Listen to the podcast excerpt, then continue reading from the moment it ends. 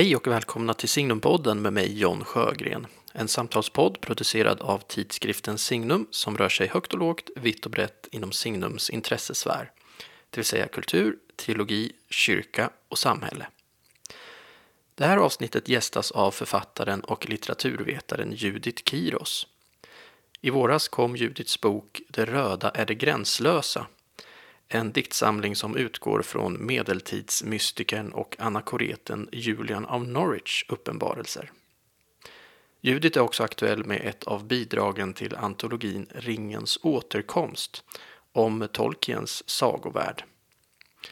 Avsnittet utgår från dessa två centrala engelskspråkiga författare, Julian of Norwich och J.R.R. Tolkien. Det blir ett samtal om hopp och hopplöshet, om skrivandet som existentiell praktik och om kärlekens självutplånande kraft. Hoppas ni ska finna samtalet intressant.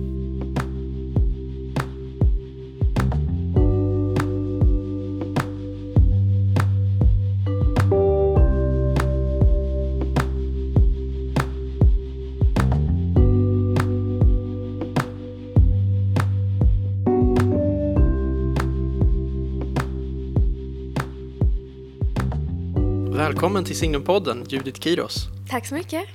Eh, jag tänker att vi får se lite vart det här samtalet leder oss, men att det kanske kommer kretsa kring eh, två av den engelskspråkiga, engelskspråkiga världens eh, stora litterära personligheter, får man säga. Tolkien och Julian of Norwich. Ja. Men vi kanske börjar hos Tolkien. Vi, vi är båda Tolkien-fantaster. Uh, och jag är aktuell nu med en bok, Jordens sång, som handlar om, om Tolkiens tankevärld. Och vi är båda med i en antologi som Norstedts ger ut som handlar om, om uh, Tolkien på olika infallsvinklar på Tolkien. Men vill du säga bara någonting, liksom, när, när mötte du Tolkien första gången? Och mm, liksom, när um, föddes den? Det blir väl 11-årsåldern tror jag så um, hittade jag Hobbiten på biblioteket. Visste inte riktigt vad det var för någonting. Uh, men älskade den. Uh, jag har faktiskt en recension från den tiden i min dagbok där jag också har ritat de olika dvärgarna. um, och sen efter det så plockade jag upp Sagan om ringen. Och det var ju också en, en ganska annan tid, så jag visste ju inte att Sagan om ringen-filmerna skulle komma ut. Nej. Ungefär runt den tiden. De kom ut 2000. Just det, jag, jag vet inte exakt när du född, men då är det, mm. det är mm. strax det är ungefär då? Ja, det, precis. När du läser Hobbiten, okej. Okay. Ja. Mm. Och då eh, så kommer jag ihåg att det var en sån, liksom, sån otroligt märklig känsla att läsa boken och sen så kommer filmen ut typ samtidigt. Men du läste boken, böckerna innan filmerna eller ja, såg du dem jag har alltid varit väldigt um, um, dryg. Mm, mm. så för mig var det väldigt Läsa viktigt boken först är viktigt. att ja, ha all information mm. innan. Mm, liksom. um, men sen älskade jag ju filmerna också. Men, men jag var väldigt eh, liksom, kritisk eh, för att de inte passade in på hur, exakt hur jag ville att det skulle se ut när jag var elva då. Tycker du om filmerna nu? Så här, nu då? Um, nej. inte, inte alls? nej, men jag, alltså, jo, det gör jag ju. Jag gillar, jag gillar den första filmen väldigt, väldigt mycket. Mm. Den tycker jag faktiskt är helt fantastisk. Mm. Men eh, ja, ja, jag tror att jag är liksom ganska trög vad gäller att ändra på mig. Och eftersom jag ogillade vissa delar av filmerna när jag var liten så gör jag fortfarande det nu. Vilk, vad är det du ogillar? Det är väldigt mycket måste jag säga. Men, ja. Det är okej, okay. jag ogillar också en hel del. Ja, nej, ja. men alltså kanske framför allt Gimli. Ja, ah, just det. Jag blir så ah. frustrerad. Han var en av mina favoriter i böckerna. Ja, han är ju lite av en comic relief ja. character nästan i, i filmen. I filmen är han ju i princip hela tiden mm. det. Mm. Och det, är liksom, det ska alltid vara så roligt att han är kort. Men hoben är ju också jättekorta. Ja. Så de är ju till och med kortare, så jag förstår inte riktigt. Nej, det, det, är lite så här. Och sen sjabblar de bort lite, tycker jag, eller ganska mycket, relationen mellan honom och Gimli. Alltså den finns ju med och så.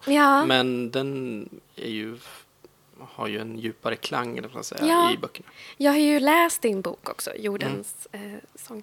Och jag eh, tänkte på det, att du skriver om, eh, om eh, isolering och gemenskap på något sätt. på något sätt. Att det är en, en genomgående eh, tråd i tolken och det håller jag ju verkligen med om och därför blir det ju så otroligt viktigt med relationerna. Mm, att, de, att de först går in i liksom en ganska antagonistisk relation och sen gradvis lär känna varandra och respektera varandra och sen liksom, eh, dela sina liv på olika sätt med varandra.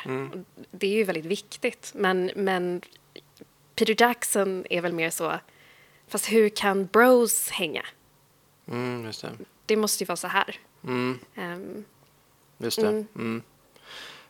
Ja, precis. Nej, men i, för i böckerna är det ju mycket mer att, eh, liksom, att det är en symbolisk viktig eh, relation Mm. också eftersom det blir liksom bandet mellan alver och dvärgar Ja. som liksom den, den frostiga relationen och liksom att skogens folk och bergets folk Mm. möts. Liksom, det är ju en, precis. är väldigt viktig. Det är ungefär som liksom Arven och Aragorn eller Beren och Tenue, eller Ja, temat liksom att, precis. att eh, alver och, och människor möts. Mm. Så att sen just, just de här mötena över eh, liksom folkgränserna är, Ja. ju, är ju väldigt central i Tolkiens Verkligen. eh, värld. Och det är ju ofta då någonting, någonting stort händer. Mm. Ja, precis. Det är ju också sådana tema, det tar jag upp Mm. i boken också, att, att liksom ett sätt att eh, bekämpa ondskan är liksom gemensam front. Alltså att, Mm. man- att man måste liksom ena sig, att, att eh, det finns en väldigt stark enhetstanke hos, Mm. hos tolken.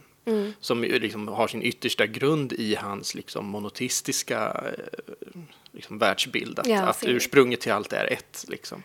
Eh, men, men bara därför är inte mångfald något dåligt. Mångfald är också gott, men liksom att mångfald och enhet är, är liksom relaterade till varandra. Men, men att det här sökandet efter enhet är väldigt eh, grundläggande. Mm.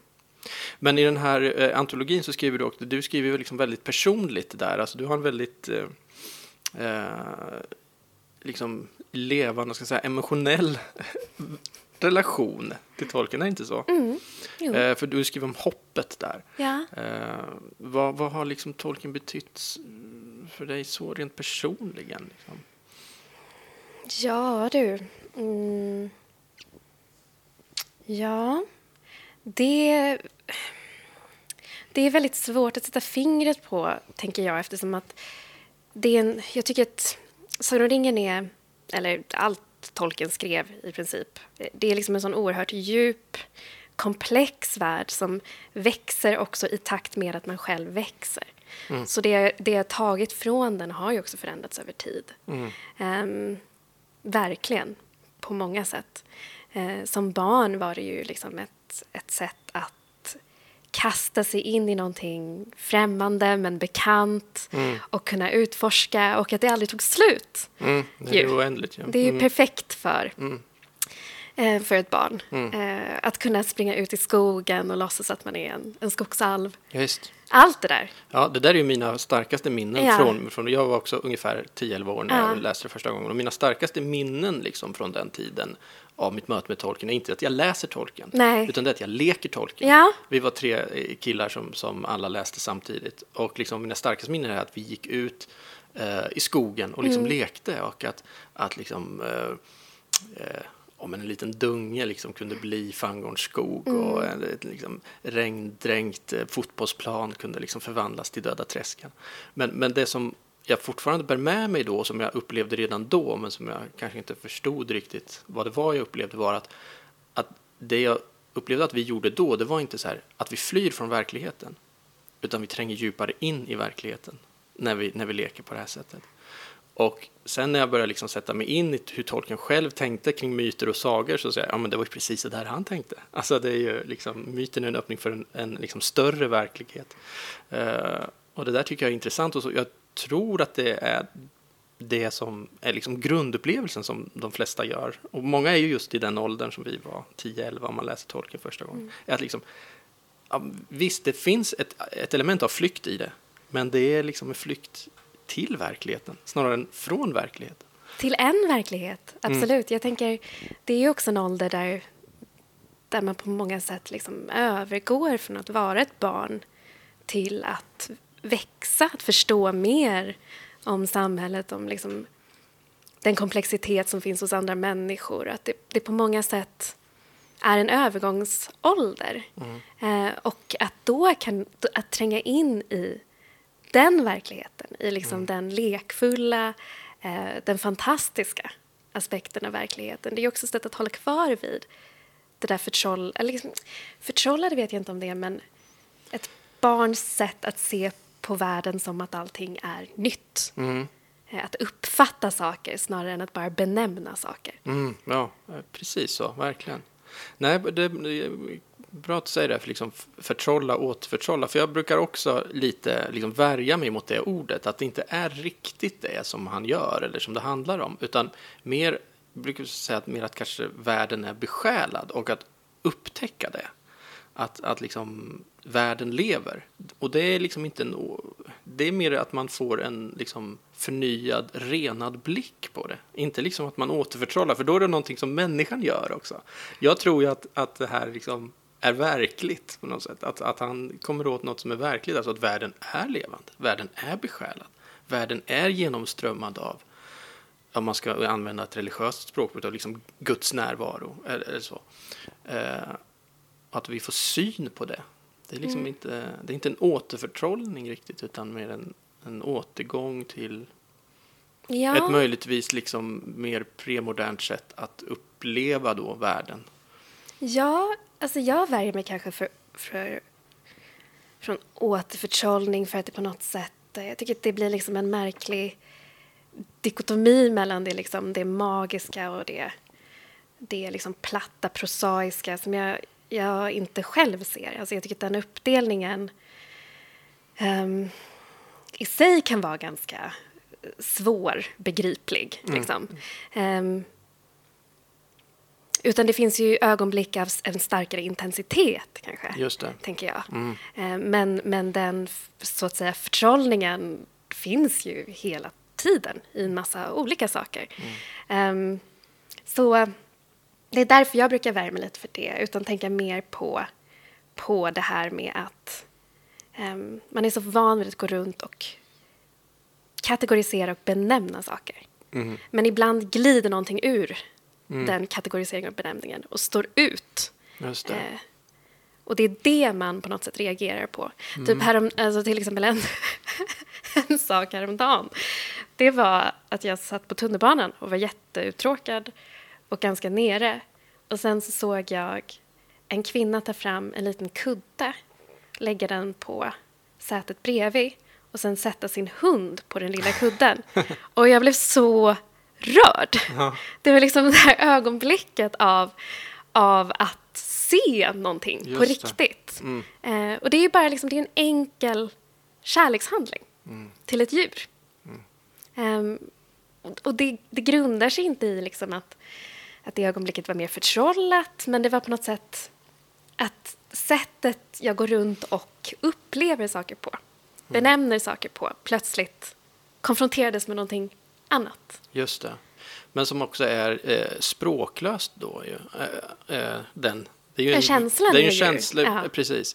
Eh, för finns det ett problem där med liksom språket? För där, där finns ju också en, en spänning i tolken och så, tänker jag, och en spänning i liksom, den mänskliga erfarenheten. Att, att på ett sätt så får vi inte syn på någonting förrän vi benämner det, eller det får sin identitet eller sin, liksom, sitt vara i någon mening genom att vi benämner det. Det är ju liksom, gå tillbaka till, till Genesis, liksom, när Adam eh, ger namn åt alla djur. Alltså då blir det liksom världen till på något sätt genom benämnandet av världen. Att, att det liksom är i språket som världen är till. Eh, samtidigt, precis som du säger, så, så kan ju det hämma oss liksom att, att det språket liksom stänger in världen i, i de här liksom kategoriseringarna och, och liksom blir intellektualiserat på något sätt. Och, och eh, det, Tolkien var ju verkligen en språkperson och älskade ju språk, det var ju hans, hans liksom, eh, jobb så att säga. Eh, och, och det finns ju verkligen den här synen på att ja, men benämnandet skapar världen. Det finns ju tidigt i Silmarillion det här liksom när, när alverna vaknar upp och börjar liksom benämna världen så, så liksom blir den till. Och som, det är någon slags eh, variant av den här mm, kristna myten eller hebreiska myten om, om, om Adam och så. Men, men å andra sidan så finns ju det här, ja men språkets liksom absoluta grund och den absoluta grunden för världen är inte språk och ord utan är musik. Som är, jag tänker, någonting som går utanför intellektet eller utöver intellektet och utöver språket som något större.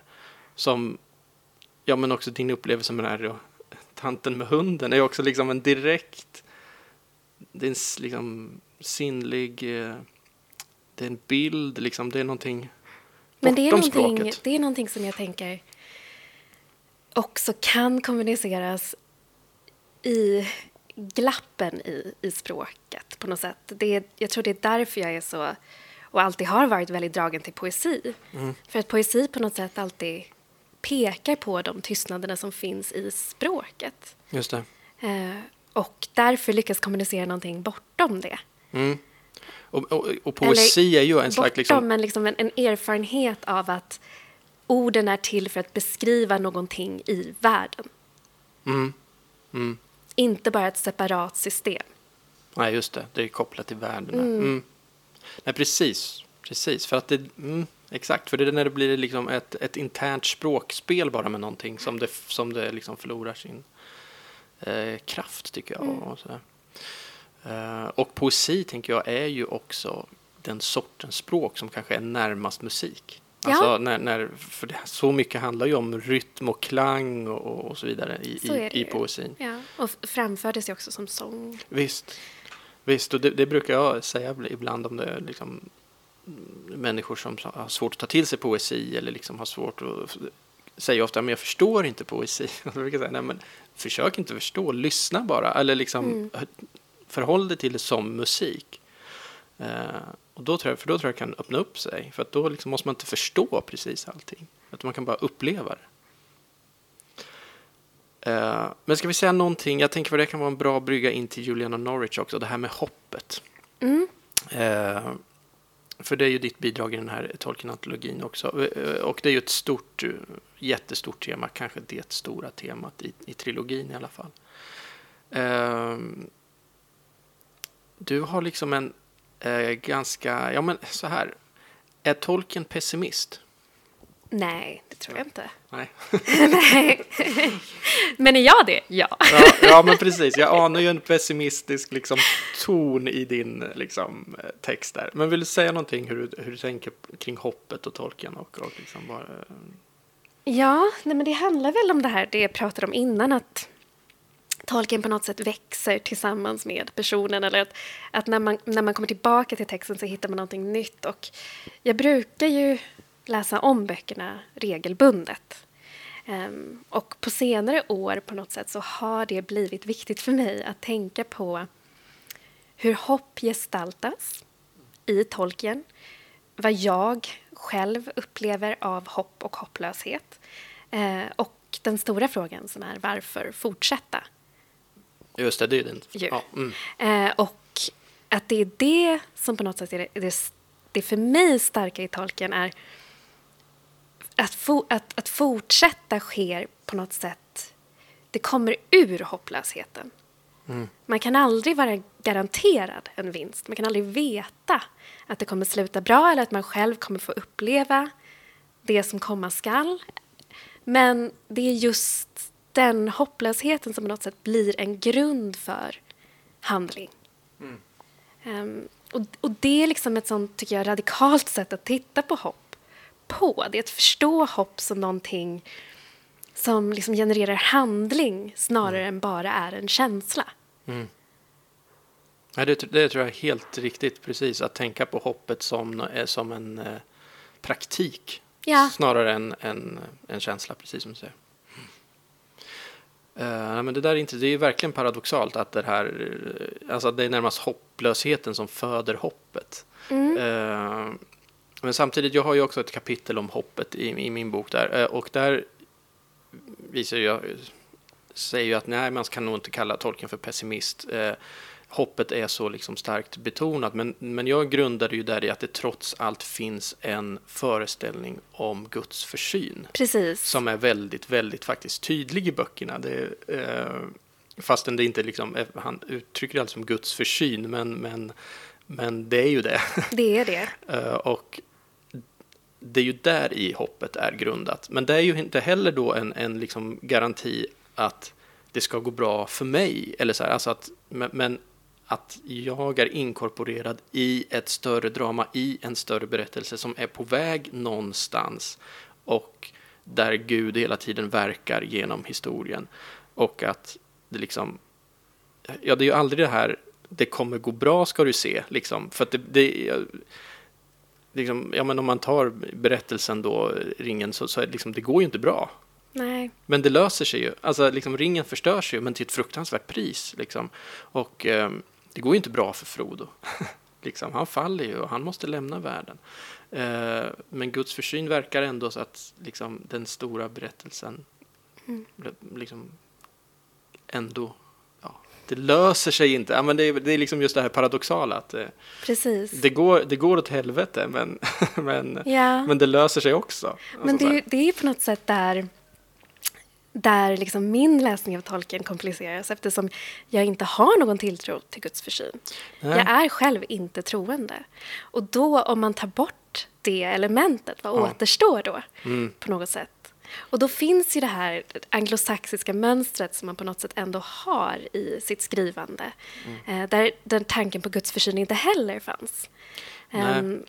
Nu, absolut, i de anglosaxiska dikter som har bevarats finns det ju eftersom de skrevs ner av munkar. Men, mm. men i en liksom tidigare mytologisk världsbild, det vi nu kallar för mytologi såklart, det var ju religion. Men där fanns ju inte det där. Ehm, och det, det är på något sätt som... Det är på något sätt väldigt... Det finns en klang av det i tolken fortfarande. I det han lånar av. Som slår an någonting hos mig. Ja, men precis. Och, eh, han, han skriver ju den här On Fairy Stories där han eh, liksom lägger ut texten om, om sagan och mytens liksom väsen. Eh, där myntar han ju den där katastrof som man ju menar är varje sagas och eh, liksom, det är det vad den måste innehålla och det är den här då eh, katastrof men med prefixet EU, alltså den goda katastrofen. Eh, och det menar han ju måste finnas i alla, så det finns ju liksom även i de här liksom prekristna myterna och sagorna menar han. Eh, eh, så det liksom finns ju där. Sen så mynnar ju den texten ut i att han säger ja men eh, det är ju evangeliet som är den stora liksom, sagan och myten och den är ju också sann, liksom, den har ju också hänt historia och så vidare. Så att det, det, han landar ju ändå liksom i det kristna men, men att det finns speglat redan liksom, i, i Mm. Ja, men det- alla myter och sagor liksom, och så kulminerar det i det kristna det, finns, liksom. det finns ju speglat där, tänker jag, för att han själv är kristen. Och tittar Ja, tillbaka ja. på dem genom en kristen blick. Jo, jo, precis, det är ju en kristen Ja. precis, Så, blick så jag tänker att det är inte att det redan finns där. Det är att Nej. han utgår redan ifrån en, en viss... Det är ju en kristen tolkning Ja. utav det, så, så är det ju precis. Mm. precis. Men, men så har ju också den kristna liksom fungerat, att man ser på det på det sättet att liksom eh, all, allting liksom kulminerar i, i liksom Jo. det kristna och måste inte nödvändigtvis liksom utesluta det som har gått innan utan det kommit innan utan liksom det, Det går att inko- inkorporera. det går att inkorporera. Sen så tar man ju bort liksom vissa saker liksom man eh, liksom är monoteistisk så att säga men, men mycket av myterna kan man ändå liksom inkorporera och, och liksom, i synnerhet mycket av den liksom Mm. hedniska filosofin och så vidare tar man ju upp inom sig och så. Absolut. Det finns ju en em, dikt jag också citerar som heter The Dream of the Road. eh, Som är en anglosaxisk dikt och den föreställer sig på något sätt att det är en drömmare som som får en eh, vision av korset. Em, och korset på något sätt agerar stridshingst åt Kristus. Eh, det är att liksom ehm, han liksom bestrider korset och rider ut i krig mot det helvetiska. Liksom. Mm, Och mycket som är skrivet om det handlar om att så här, ja, men det här är ett exempel på hur man försöker inkorporera eh, en liksom förkristen förståelse av en krigsherre in i det kristna. Mm, Ehm, för att på något sätt så handlar ju också det kristna om seger genom liksom total förlust. Mm, precis. Eh, den, liksom, det, det, den absoluta förnedringen på Mm. något sätt Det är går precis det som Tolkien menar med katastrof. Det är Precis. en katastrof men den blir god. Ja. Liksom. Mm. Ehm, och, och i det där menar de jag läst kring det här då, så menar de ju att den, den specifikt kristna vändningen är väldigt svårbegriplig. Mm. Eh, och att därför på något sätt så, så i den här så upprättar man den här liksom, han går ut i strid mot liksom Just det, just det. helvetet och Just det. det är inte att han liksom dör på mig utan det är att han, han liksom rider mig in i strid. Mm. Och korset självt är ganska sentimentalt i den dikten. Så det är väldigt... okej. ehm, ja, Ja. Tolkien skriver ju i den där Fairy, on Fairy Stories också att, att liksom evangeliet och kristendomen har inte liksom ersatt myten utan den har helgat myten. Och jag tänker att det är liksom lite, lite det exemplet som du tar där. Att man, ja. man försöker liksom helga. Precis, man, man, man kristnar liksom det mytiska ja. på något sätt. Mm. Men, det, men det är ju liksom, han var ju fantastisk. Eh, alltså han var ju en otrolig eh, lingvist och, mm. och liksom eh, översättare av anglosaxiska. I, och, men, men samtidigt så tycker jag att det finns det här liksom, men när man kommunicerar med texter som är så pass andra mm, mm. så återstår någonting av den annanheten. Mm. Hur man än försöker liksom, um, ja, men på något sätt liksom, få dem att passa in i ett större narrativ. Och jag, och jag tycker att det är väldigt viktigt och bra. Eh, och det är någonting jag ser mycket i tolken. Mm. De här udda delarna. Mm, mm. Många av dem tog han ju bort sen. Men de fanns ändå där någonstans under skapelsens gång. Mm, visst. Nej, jag tror att det blir fel alltså, eh, eh om man ska försöka göra honom till det ena eller andra. Eller så här. Alltså, det, det finns mycket, eh, jag som rör mig i, i kristen sfär, liksom, eh, så, så, finns det väldigt mycket liksom, att man ska eh, Tolkien eh, gestaltar en helt och hållet liksom, katolsk världsbild och så. Mm. Och, Aragorn är... Eh, precis, ja. och, och, precis, det blir närmast då allegoriskt, mm. då, vilket han ju avskydde allegorier. Eh, och det blir liksom också fel. Alltså jag har ju absolut, eh, man, man måste verkligen ta hans katolska tro liksom på allvar och mm. den, den genomsyrar det. Och det är grunden för liksom allting, absolut. Men det är inte så att man kan liksom, det är bara det rakt av. Utan det finns de här andra elementen också. Så, så jag tycker att man och, och, och, sen finns på andra sidan då som, som liksom helt, nej men det där med det kristna och det, det var inte så viktigt, utan det här är ju liksom hedniska saker, ser ni, vi är gudar här och så här. Men det blir också fel, utan man måste säga helt enkelt, ja men det är både kristet och hedniskt. Mm. Alltså det är liksom, så är det ju, för han drar från båda de källorna. Sen kunde han liksom i sin, när han tänkte kring det, få ihop det, liksom att det där hör ihop. Men man måste se att båda de här elementen finns där och massa, liksom, han drar mm. från massa olika källor. Och sen finns det ju vissa platser där det bara brister rakt av, tänker jag. Som, ja, som är som orkerna. Ja, just det. Ja, det är ju ett problem man aldrig lyckades lösa. Vad, vad, gör, alltså, vad är en ork? Kan en ork välja godhet? Mm. Och om den inte kan välja det, Nej. vad är den då? Då, då är den ju inte en fri liksom, varelse längre. Nej, han hade den där tanken ja, att det var korrumperade, liksom, fallna alver. Liksom, mm. så. Men det, nej, precis, kan den bli kan de bli, goda, kan de bli goda igen? Ja. Är ju, borde de ju kunna bli. Men inte bara det, utan att om de är korrumperade alver så har de ju en fe, en själ, mm. som är evig. Precis, då borde de också... Så då borde de också komma till Mandos hallar. Precis, eller, eller och eh, reinkarneras ja. då när, om de dör. Ja. ja. så det var ju någonting som Alltså han, liksom, han höll på att fixa med det där väldigt länge, ja. men det blir ju ett problem för hans, hans egen världsbild, ja, som han själv skapade. Ja, ja visst, visst. Nej, jag vet att han jobbade ju väldigt mycket på mm. det på slutet av sitt liv, att få ihop det, i synnerhet med det liksom katolska så här. Och, mm. och det kom en bok för något år sedan med liksom, så här, tolken och tomismen, alltså att han, han satt verkligen och försökte få ihop det med liksom den här eh, liksom, katolska världsbilden. Mm. Eh, och han kämpade med det. Ja, ja, men för det finns ju någonting så, liksom, men det är ju inte, det, det går ju inte, det är inte kompatibelt med att tro eller att tänka att, att det finns en art som är mm. i sig fallen och aldrig kan Nej. på något sätt påverka Nej. Um, sina omständigheter eller liknande. Precis. Och de har ju de har ett språk, de har barn, de mm. har en kultur, de äter mat. Så. Men frågan är, då är, det ju, liksom, är de ens onda då? För att liksom ondskan, för, för, det förutsätter ju ett val, mm. ett fritt val, att ja, man har precis. valt ondskan. Men om de, då är de ju som djur snarare då, ja. att de inte har, de är liksom inte, de har ingen agens liksom. Och då, då blir det ju meningslöst att tala om dem som onda mm. varelser också. Precis. Mm. Ja, precis. Så det finns de här hålen i, i verkligen. Mm. mm.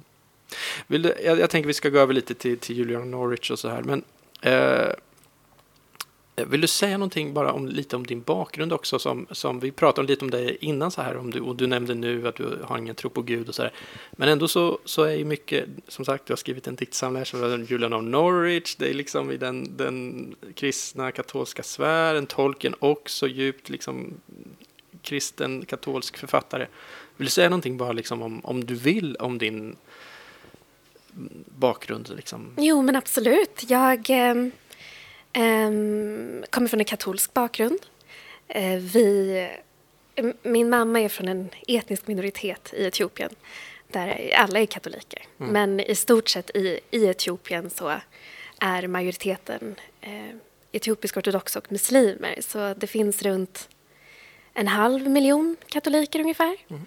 Och väldigt många i min eh, nära släkt, då, kusiner och så vidare, är präster och nunnor och så vidare. Så jag har vuxit upp med det väldigt nära inpå. Mm. Väldigt, väldigt nära inpå. Mm, och, det, och det betyder också att det finns en, att jag har liksom en otroligt stark koppling till det språket, den symboliken och också många gånger eh, liksom de narrativen kan man väl säga, eller liksom mm. att ja, ja, precis, att det ligger väldigt nära mig. Mm. Att utgå ifrån eh, sådana narrativ. Så, så um, det är det helt enkelt mm. som är, är grunden till till varför det dyker upp så ofta i mina dikter och så vidare. Ja. Mm, mm. Du, sa, du sa här innan också att, att det du har kvar lite från din katolska, det är liksom eh, en känsla av skuld. Absolut. det där är så för många, jag såg bara för något tag sedan, du vet, eh, Robbie Robertson, eh, som var eh, låtskrivare och sångare i The Band, Uh, han kom också från katolsk bakgrund och han var ju väldigt god vän med Martin Scorsese, uh, filmskaparen, som också är katolik. Och han sa att de blev liksom vänner direkt för att var, vi kunde direkt relatera, vi är båda upp, uppväxta med Catholic guilt. Mm. Och liksom då, då förstår man varandra direkt. Så att det, det finns någonting i det där. Mm. Ja, men i våras så kom du med en diktsamling som heter Det röda är det gränslösa. Och den är en slags, ja men den utgår från, från eh, Julian of Norwich och hennes här uppenbarelser av den gudomliga kärleken. Eh, och jag tänker det där hör ihop med hoppet, för det finns mycket, är, inte, är inte det här allt Säger inte hon det här som Tolkien inte säger? Allt kommer bli bra. Ja. Är, är inte det hennes liksom mantra på något sätt? Uh, så det där är intressant den där kopplingen. Men vill du säga någonting bara först, liksom hur, hur kom du till Julian of Norwich? Är det någon som har funnits med dig länge? Mm. Det är i alla fall i en svensk kontext eller så här ganska perifer figur som man inte liksom välkänd för den svenska publiken. Ja, eh, jag studerade ju i England. Um, både min så undergraduate och min masters. Och då var det obligatoriskt att göra en kurs i anglosaxisk litteratur och en kurs i medeltida litteratur. Och eh, förutsägbart nog så tyckte jag att det var de absolut roligaste kurserna. Eh, och förutsägbart nog så valde jag ändå att rikta in mig på modern poesi. Tyvärr. Men, men jag har liksom återkommit till medeltida litteratur mycket. Um, och försöker liksom um, um, läsa om och kring det mycket för att det intresserar mig väldigt, väldigt mycket. Så, så jag hade Julian of Norwich där på något sätt. Men jag hade, jag hade aldrig tänkt att jag skulle arbeta med eh, hennes texter på det sättet jag gjorde i den här. Mm. Det trodde jag inte. Det var inte att jag satt och sparade citat eller så, som man kan göra med Shakespeare. Ja, just det. Uh, ska vi säga någonting, eller vill du kanske säga någonting om, alltså, för att bara presentera henne liksom kort, vem, vem hon var och så helt enkelt? Uh. Jo visst. Ehm, um, Children of Norwich var en kvinna på, um, hon föddes 1343, man vet inte riktigt när hon dog, men vid 30 års ålder så insjuknade hon och upplevde då, eh, eller fick uppenbarelser av Kristus. Um, det var 16 olika uppenbarelser och hon skrev om dem i Revelations of Divine Love. Uh, och gick också in i att bli anakoret, det vill säga att, att förseglas vid St. Julians kyrka då, mm. i Norwich. Mm. Eh, Man bor helt enkelt i en... Ja, precis. I, ja. ja. och sen finns Isolerat. det tre, tre små fönster som mm. man kan kika ut igenom. Mm. Nej, det finns egentligen ett fönster man kan kika ut igenom och det är ju det som leder in i kyrkan så att man kan delta i mässan. Just det. Mm. Och sen så finns det ett som man får liksom mat igenom och kan um, liksom föra ut skräp. Och sen så finns det ett, an, ett tredje då eh, och där kan folk komma eh, och ställa frågor och på något sätt ha kontakt men man får, man får inte egentligen vidröra eller titta på personerna som är, väntar utanför. Just det. Vad var det som fascinerade dig så mycket med, eller vad är det som fascinerar dig så mycket med, med, eh, med Julian och Norwich? Ja, um, på något sätt så... Um, jag tycker att det är fantastiska texter. Mm. Jag tycker att hon, hon skriver... Ja, jag har precis läst henne lite grann. Ja. De, de, är levande, de liksom lever ju fortfarande. Ja. Nu de ju, har jag läst henne liksom såklart översatt liksom modern engelska så, mm. men de är levande, mm. verkligen. De är väldigt levande. Det finns små, väldigt små intressanta detaljer som känns så, um, så, så icke-symboler, så tagna ur en vardag, tänker jag.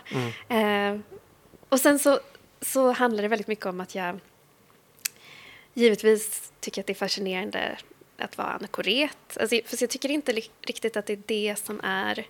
Jag tycker inte att det är märkligt att vara det, om man nej, säger så. Nej. Jag kan absolut begripa mm. varför man skulle vara det, framför allt på 12 och 1300-talet. Ja. Det var ju majoriteten kvinnor under den perioden som valde att bli anakoreter. Mm.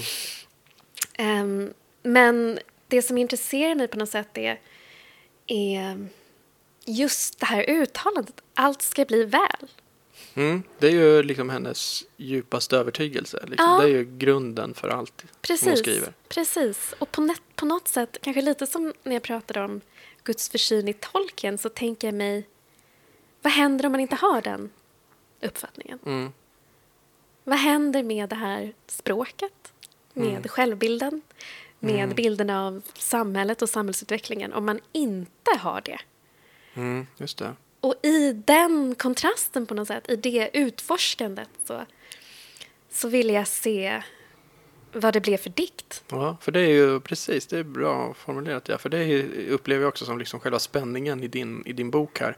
Som är eh, eh ja, lite svår eh, också placerad så här, vad det är för typ av text också. Men det, det är poesi får man väl säga. Mm. Ja, eh, men ja, precis, för det är den här spänningen mellan någon slags hopp då och hopplöshet och, och ja, det är precis den spänningen som, och där uppstår någonting som är väldigt eh, intressant och, och, blir en eh, ja, det blir en, liksom en dynamik som är väldigt intressant tycker jag. Mm.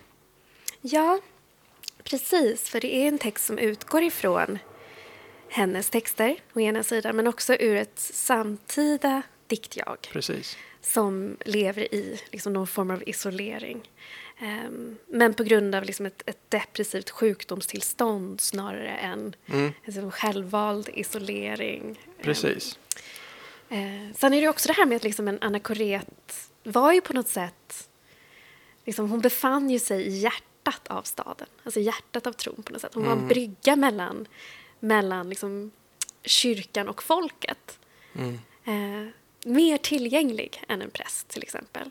På det, det. sättet att hon, hon genom sitt varande, genom att hon också har gått igenom delar av dödsriten, redan befinner sig lite på den andra sidan. Just det. Hon var ju, jag tror inte vi nämnde det, hon var ju allvarligt sjuk ja, innan hon gick in ja. eh, i, i eh, den här anakoret-tillvaron. Mm. Då. Eh, och det var väl liksom, det var väl pesten som, som drog genom världen då? Ja, Eller vad var det hon, dock vad, tror jag inte att det var pesten hon, alltså hon Nej, det var något då. annat. Ja, Men det var, den finns ju som en bakgrund, liksom, att det, ja. det, det, det är ett ganska liksom mis, miserabelt liksom, mm. eh, kontext. Men det är en väldigt spännande tid också, tänker jag. Alltså, det är en väldigt spännande Pesten drog, hade dragit genom Europa. Otroligt många människor hade dött, även i Norwich. Eh, och sen kom ju det här bondeupproret mm. som var liksom Eh, enormt som också drog igenom Norwich då. Mm.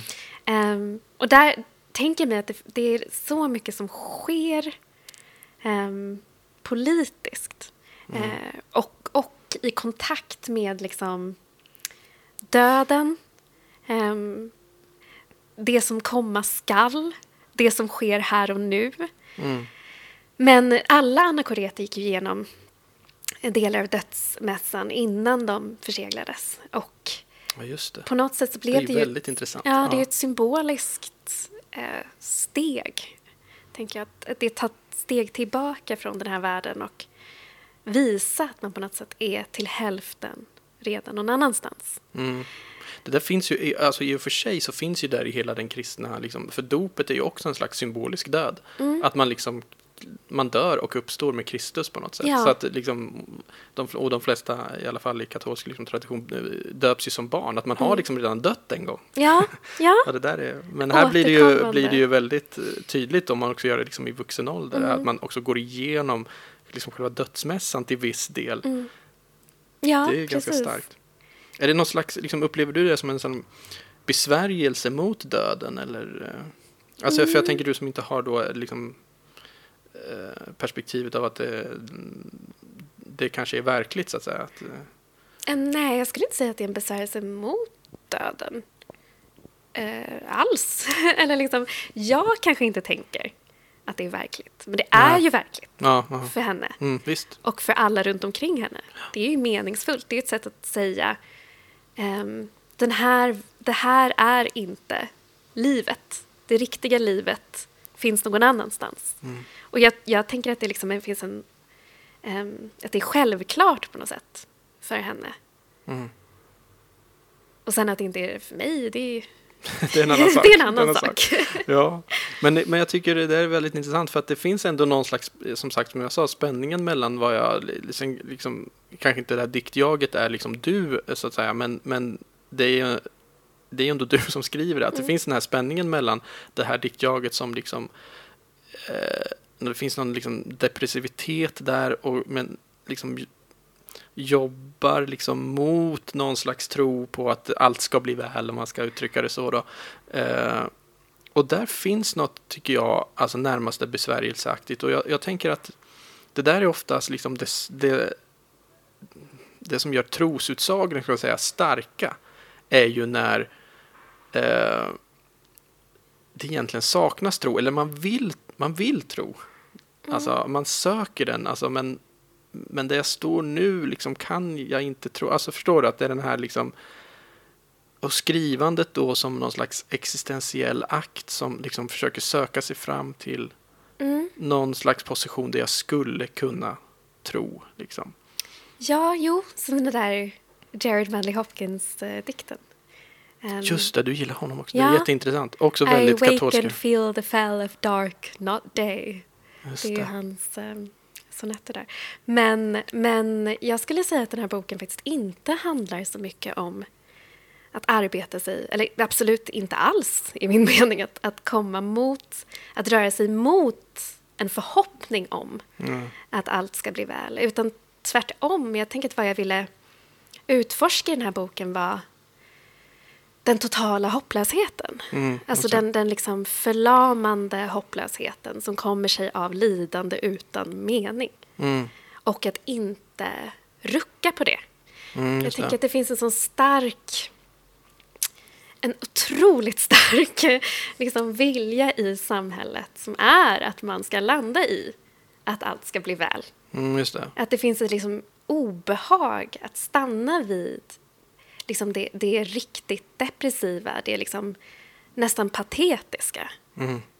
Den som bara ligger ner och säger jag kan inte mer, sluta. Mm. Eh, att det finns den här liksom, ryck upp dig. Ja, just det. Och, och det tänkte jag på något sätt att så här, jag, vill, jag vill stanna i, i det där. Mm. Jag tycker att det liksom är, ja, in, inte bara litterärt och liksom politiskt intressant, men, men eh, intressant, rent mänskligt intressant. Ja, det, det, är, det är sant. Det finns inte mycket liksom, plats för det. Eh, Nej, allt För- måste hela tiden landa i, mm, ja, det, det gick dåligt till en början, men sen gick det bra. mm, Och alla de här människorna som man sätter på på, några, på något sätt som, som har liksom gått igenom de, de absolut värsta sakerna och landat i att bli ingenting. De får vi liksom inte heller ha kontakt med längre. nej. Inte på ett politiskt plan, inte liksom rent solida- solidariskt. Jag tänker på till exempel, eh, ja, Alltså hur man pratar om migranter nu för tiden. Mm. Och de liksom omfattande dödsfall som sker vecka ut och vecka in på havet. Det, det, ja, det där har, har jag faktiskt också tänkt på. Alltså att det bara har glömts bort. Mm. Alltså det är, vi, när, när, men det, det är ju också någon slags medielogik i det där. Liksom, att det inte är en nyhet längre. Det var ju liksom Mm. en nyhet ett tag och sen så liksom försvinner det. Så tänker vi att det händer inte. Men det bara fortsätter ju hända. Det bara fortsätter och fortsätter. Fast jag tänker också att media på något sätt reflekterar sam, liksom samhälleliga idéer och tankar. Jo, det. och liksom att medielogik i sig är ju inte ett svar på det, utan det, det speglar ju någonting. Alltså egentligen, tänker jag, för många av oss, ifall vi konfronterades med att det dog hundra personer liksom per månad Mm. i att försöka korsa havet, så skulle vi ju reagera om vi på något sätt uppmuntrades till att, att relatera till de här människorna som människor eh, och till de här dödsfallen som dödsfall. Men det finns ingen triumf i det här. Nej, Utan folk säger så här, åh men gud, man tröttnar. Man blir så Ja. ledsen, man orkar inte. man orkar inte. Ehm, Och då är vi inne på det där med hopplösheten som en slags mm, eh, sporre till handling då. ja, Mm. och att jag tänker att många personer också kan uppleva hopp just för att de stänger ute de hopplösa. Mm. Ja, just det. Ja, men, och, men då är det ju inte, i alla, i alla fall inte i en Tolkiensk mening och skulle jag säga Mm. i en sann kristen mening, eh, tal om hopp. Nej. Utan då är det ju tal om någonting annat. Ja. Då är det ju liksom förträngning av någonting. Och det är ju inte hopp. Nej. Det, det är ju liksom eh, möjligtvis blåögd optimism eller något sånt där. Eller jag vet inte Ja. vad det är. Är det förträngning? Ja, det är absolut... Eh, jag skulle säga att det är liksom kanske det vanligaste sättet att förhålla sig till samhället på, på något sätt. Mm. Att man, man... Apropå isolering. Det handlar inte om att gå in i isolering för att, som Julian låter säga, komma djupare in i livet. Ja, det. Utan det handlar om att gå in i isolering för att på något sätt skydda sig själv från ehm, hopplösheten, misären, Mm, eh, skulden, skammen, Visst. exploateringen. Och det, det är ju så här, det är Men- klart, annars... Många är ju som, hur ska man annars leva? Ja, det är väl det som är frågan. Mm. Ja, men då är det ju en flykt. Mm. Eh, och, men, men det finns ju en, alltså, eh, kanske typ Julian of Norwich, isoleringen eller då liksom eh, många som jag känner som är liksom i en monastisk miljö, alltså klostermiljö som väljer sådana liv, där, där ju det livet blir ett sätt att faktiskt eh, liksom upprätta en djupare kontakt med världen. Så att, att, att liksom isolera sig eller liksom att, att välja ett sånt typ av liv eh, är ju, ska man ju göra liksom för världen. Det är ju så man säger liksom i den monastiska, att vi, vi liksom ber för världen och vi finns för världen och man jobbar ju konkret också liksom för världen. Det är det som måste vara eh, grunden för eh, valet av sån typ av liv. Men den här som vi kanske till mans då håller, håller på med är ju någonting helt annat, att vi helt enkelt isolerar oss mentalt från det vi inte orkar ta in Det är ju det här världens med, ja, elände. Liksom. det är ju det där med vilket ramverk eh, Mm. man verkar inom. Visst. Um, såklart, tänker jag. Och sen, eh, jag menar, det, är- det är ju ingenting i religion som utesluter engagemang i samhället heller. Eh, utan majoriteten av mina släktingar, till exempel som är nunnor, Mm. driver ju barnhem eller Ja, men det är ju sånt man jobbar med. Liksom. ja, Mm. min moster arbetar med eh, rehabilitering av skadade kvinnor som ska in i arbetslivet på olika sätt. Och, och det är ju liksom otroligt viktigt. Eh, särskilt, tänker jag, i en stat som Etiopien. Mhm, just. där det brister på många sätt i, i annat socialt arbete. Men det, det är mer det här med liksom att, att vilja främja sig från liksom från... Vi säger att man hittar någon liksom skadad vid sidan av vägen. Och man ser att den här personen kommer inte överleva. Det spelar ingen roll om jag tar med den till sjukhuset eller inte. Jag kan inte på något sätt agera här. Den känslan, att stanna där med den här personen ändå. Där det är, där det är hopplöst, ja. Där det är hopplöst. Mm. Um, för jag, jag tänker att det är så, så otroligt många som... Alltså det är där på något sätt som hjälpen behövs. Och den här frågan, ja, men hur ska man annars klara sig om man går runt och tänker på att liksom alla, alla har, har det så jobbigt? hur ska man klara sig? Ja, men som sagt, jag tycker för mig att det är den, den absolut viktigaste frågan i hur vi relaterar till varandra. Hur ska vi klara oss? Och om man på något sätt kommer fram till, ja men jag klarar inte av det. Mm. Då har man ju en skyldighet att också försöka förändra det snarare än att bara stänga ut allt. Men det är ju det här med att, att jag tänker att många, många inte riktigt ser en väg att förändra det eller liksom inte riktigt tänker i de banorna utan, utan tänker mer att liksom, ja, men vissa former av lidande är på något sätt um, av naturen givna. Liksom. Det finns vissa mm. människor eller populationer som ja, det kommer bara fortsätta. Som migranter till exempel. Mm, mm. Ja, visst, det, det, det, ja, det finns mycket att, ja, säga ja, om det där. Ja, ja.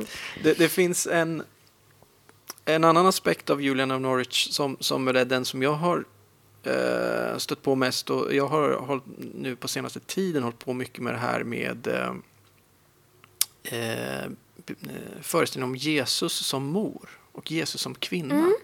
Eh, vilket är jätteintressant. Eh, Julian Norwich är ju en slags liksom, pionjär där. Hon är väl, alltså, hon är faktiskt inte den första. Det, det finns, alltså även de liksom, tidiga kyrkofäderna kunde prata om Jesus som mor och Gud som, som mor och så här. Men, men eh, där, hos Julian Norwich är det ju där det liksom började bli som mest utvecklat.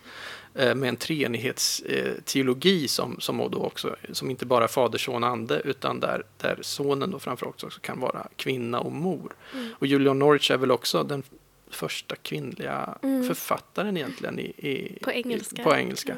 Så att hon är någon slags liksom så, liksom feministisk pionjär på något sätt får man säga. Uh, är det där något som har, har intresserat dig också?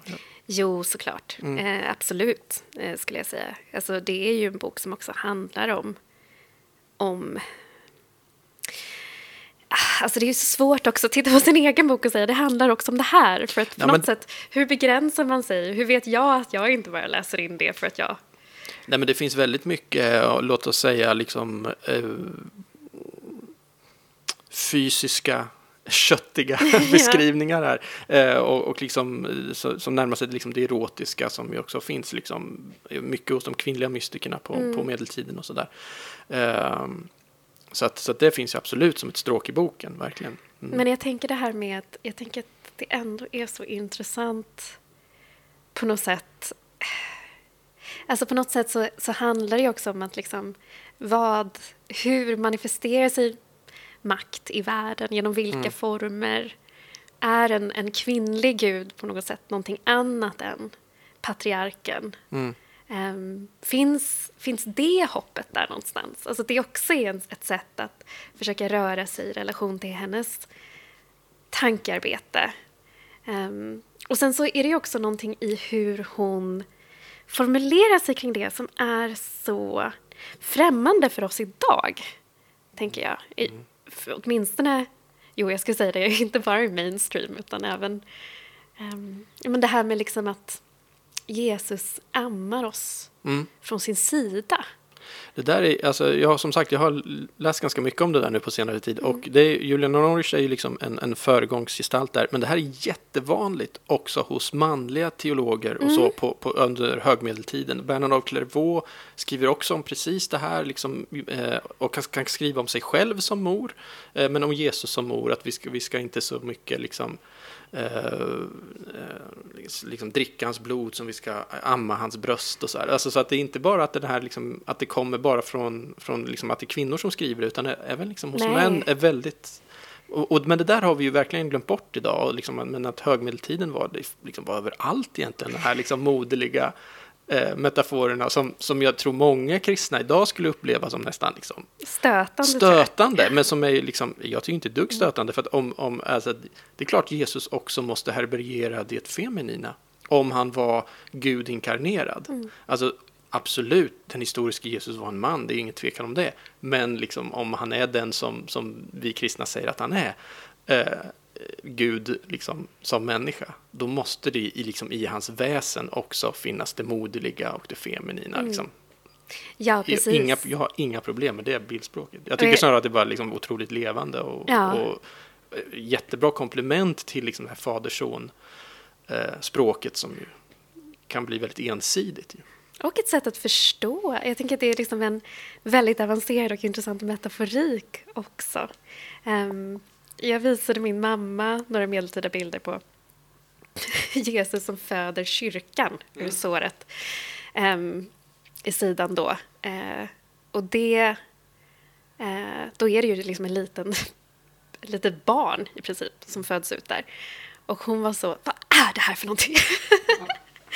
Jag blev så illa till mods så fort hon såg det. Och jag var så, nej, fast tänk dig också så här, det här, det här uppkommer också i en tid där, där födsel och död ligger så nära Ja. in på livet. Liksom. Visst, det är det man har glömt bort. Att, Ja. att liksom det födlande, och jag menar, det, det känner ju varje kvinna som föder än idag, så att säga. Men det är ju att vi väldigt sällan så slutar det med död, men, men ändå så är det ju liksom livet och dödet snuddar ju vid varandra. Men på den här tiden så var det ju liksom, det, liksom Ja. att det kunde sluta i, Ja. i reell död var en väldigt liksom överhängande risk. Modern, eller barnet, eller båda, båda två. Det var jättevanligt liksom, visst. Mm. Ja, så den, den aspekten också. Jag tänker vi kanske ska börja runda av lite, vi har pratat en timme. Men eh, jag tänker vi måste sluta i något som, som jag knyter ihop det här med hoppet och knyter ihop lite Julian och Norwich och Tolkien. Och det är ett, ett tema som finns i boken också. Det är ju eh, kärleken. Mm. Eh, och det är ju the Revelations of the Divine Love. Och du har ett citat, jag ska se om jag hittar det här. Eh, där du skriver...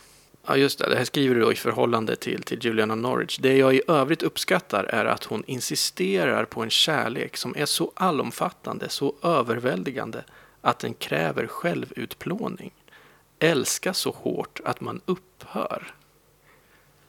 Det är den yttersta kärleken på något sätt. Mm. Ehm, är, är kärleken kanske liksom grunden för hopp? Ja, vi pratade ju tidigare om det här med hoppet som, inte som en känsla utan som en praktik, en handling. Och man kan väl tänka på kärleken på ett liknande sätt, tänker jag. Alltså att kärlek är en praktik. Inte att man går runt och liksom, ja, men liksom känner sig varm inombords på något sätt, utan att, att det är någonting man måste utöva. Eh, och jag tänker att det är väl det Julian of Norwich väljer att göra i resten av sitt liv. Att utöva den kärleken. Eh, konsekvent, liksom. Och på något sätt så är, väl, är det väl det jag hoppas på att, att man kan göra generellt, att jag kan göra. Att, att agera på ett sätt som sätter... Alltså att, att att agera genom kärlek. Och då menar jag inte liksom gå runt och, och krama folk eller liksom vinka hej till små barn på bussen utan att, att våga sätta mig själv åt sidan. Att våga tänka, jag är inte i, i centrum. Inte för den samlade utvecklingen, inte för den politiska utvecklingen, inte för konsten, inte för någonting. Utan det finns alltid andra som kräver den här liksom enorma som kräver den självuppoffringen, helt enkelt. För det är ju en tematik i boken, alltså politiken. Att politik på olika sätt ehm, agerar på det sättet. Att kan skapa liksom otroligt viktiga um, käns känslosamma och revolutionära sammanhang. Men när man inte har det, när man inte har det utloppet, vart tar den kärleken vägen? Och samhället vi har konstruerat nu säger ju på många sätt så här, men den kärleken ska du rikta mot dig själv och de dina. Det är liksom den självkärleken. Och då försöker jag ju kontra med, men vad gör man om man hatar sig själv då? Nej men själv, det, ja men absolut, det finns ju någon sanning liksom i att man måste älska sig själv för att kunna älska andra och så. Det ligger ju någonting i det. Men själva kärleken är ju alltid liksom utåtriktad. Det är ju, det är ju vad jag menar med kärlek, ja, men precis det du säger. Mm. Och, att, och det är ju det som kan vara svårt, precis som du säger, i, i, liksom i, en, i dagens liksom, kultur och i den, den, det samhälle vi har. Att, att kommunicera kristen kärlek är ganska svårt för att, för att det är just den här självutplånande kärleken. Och jag tänker tillbaka till tolken, det är ju liksom också grunden där att liksom det, det, krävs för Frodo liksom att, att gå hela vägen och utplåna sig själv mer eller mindre. Han liksom förstörs ju. Eh, men det är liksom den yttersta kärlekshandlingen som då kan till, till slut tillintetgöra ondskan. Liksom. Mm. Eh, så krävs det den här att kärlek är självutplåning. Men det är en väldigt eh, apart tanke tror jag idag. Men det, ja. jag tycker jag gillade att du tog upp den här och det, den är ju väldigt, Eller, jag den är i grunden väldigt kristen. Jag vet att Che Guevara sa någonting liknande, att en riktig revolutionär bara kan drivas av en kärlek så stark att den driver allting annat ur, ur huvudet på något sätt. Jag tänker att det, det, det är de här, liksom, den här bristen på sammanhang i vilken självutplåningen blir meningsfull. Mm, som, gör, um, som gör folk så olyckliga på många sätt. Och, och kyrkan är en av de få platser, tänker jag idag, där man faktiskt kan mötas på det sättet. Mm. Och där man kan möta folk från hela samhället. Ja. Också. Ja, det är ju, att vara katolik i Sverige idag har ju verkligen också den fördelen att man möter folk från hela världen. Mm. Alltså, jag vet, I min församling i Uppsala, jag tror vi är liksom närmare 50 nationaliteter. Alltså, så, så att det, det är faktiskt väldigt positivt. Uh, ja, vi kanske landar där mm. och avslutar där i, i den självutplånande kärleken som låter folk, få, lyssnarna suga på den karamellen ett tag. Dramatiskt slut ja, i alla fall. Det är bra. Jag tackar dig, Judith Kiros, för att du gästade Signumpodden. Mm, tack så jättemycket. Och eh, tack alla ni som har lyssnat och lyssna gärna på oss igen i nästa avsnitt. Hej så länge.